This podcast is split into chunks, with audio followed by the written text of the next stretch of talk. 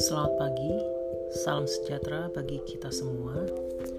Mari anak-anak, sebelum kita mulai kegiatan hari ini, kita awali dengan renungan terlebih dahulu. Renungan pagi hari ini bertema iri hati.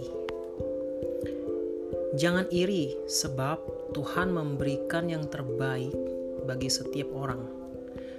Diambil dari kitab 1 Samuel pasal 18 ayat 14. Daud berhasil di segala perjalanannya sebab Tuhan menyertai dia.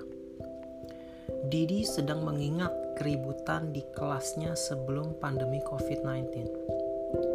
Dodi marah kepada Leo karena saat itu Leo lebih sering bermain dengan Roni. Padahal biasanya Leo selalu bermain dengan Dodi. Rupanya Dodi hendak belajar dari Leo tentang tokoh-tokoh Alkitab.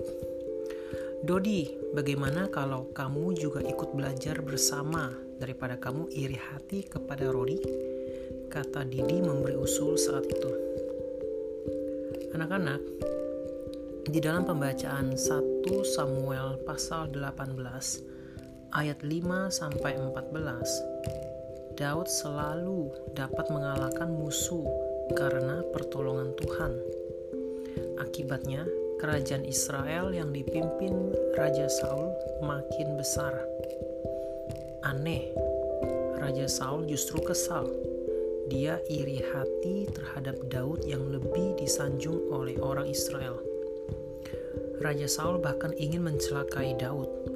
Raja Saul sangat iri hati kepadanya. Anak-anak, iri hati sangat berbahaya karena dapat membuat kita berbuat jahat kepada orang lain. Hikmat dari Tuhan membuat kita menyadari agar tidak iri kepada orang lain.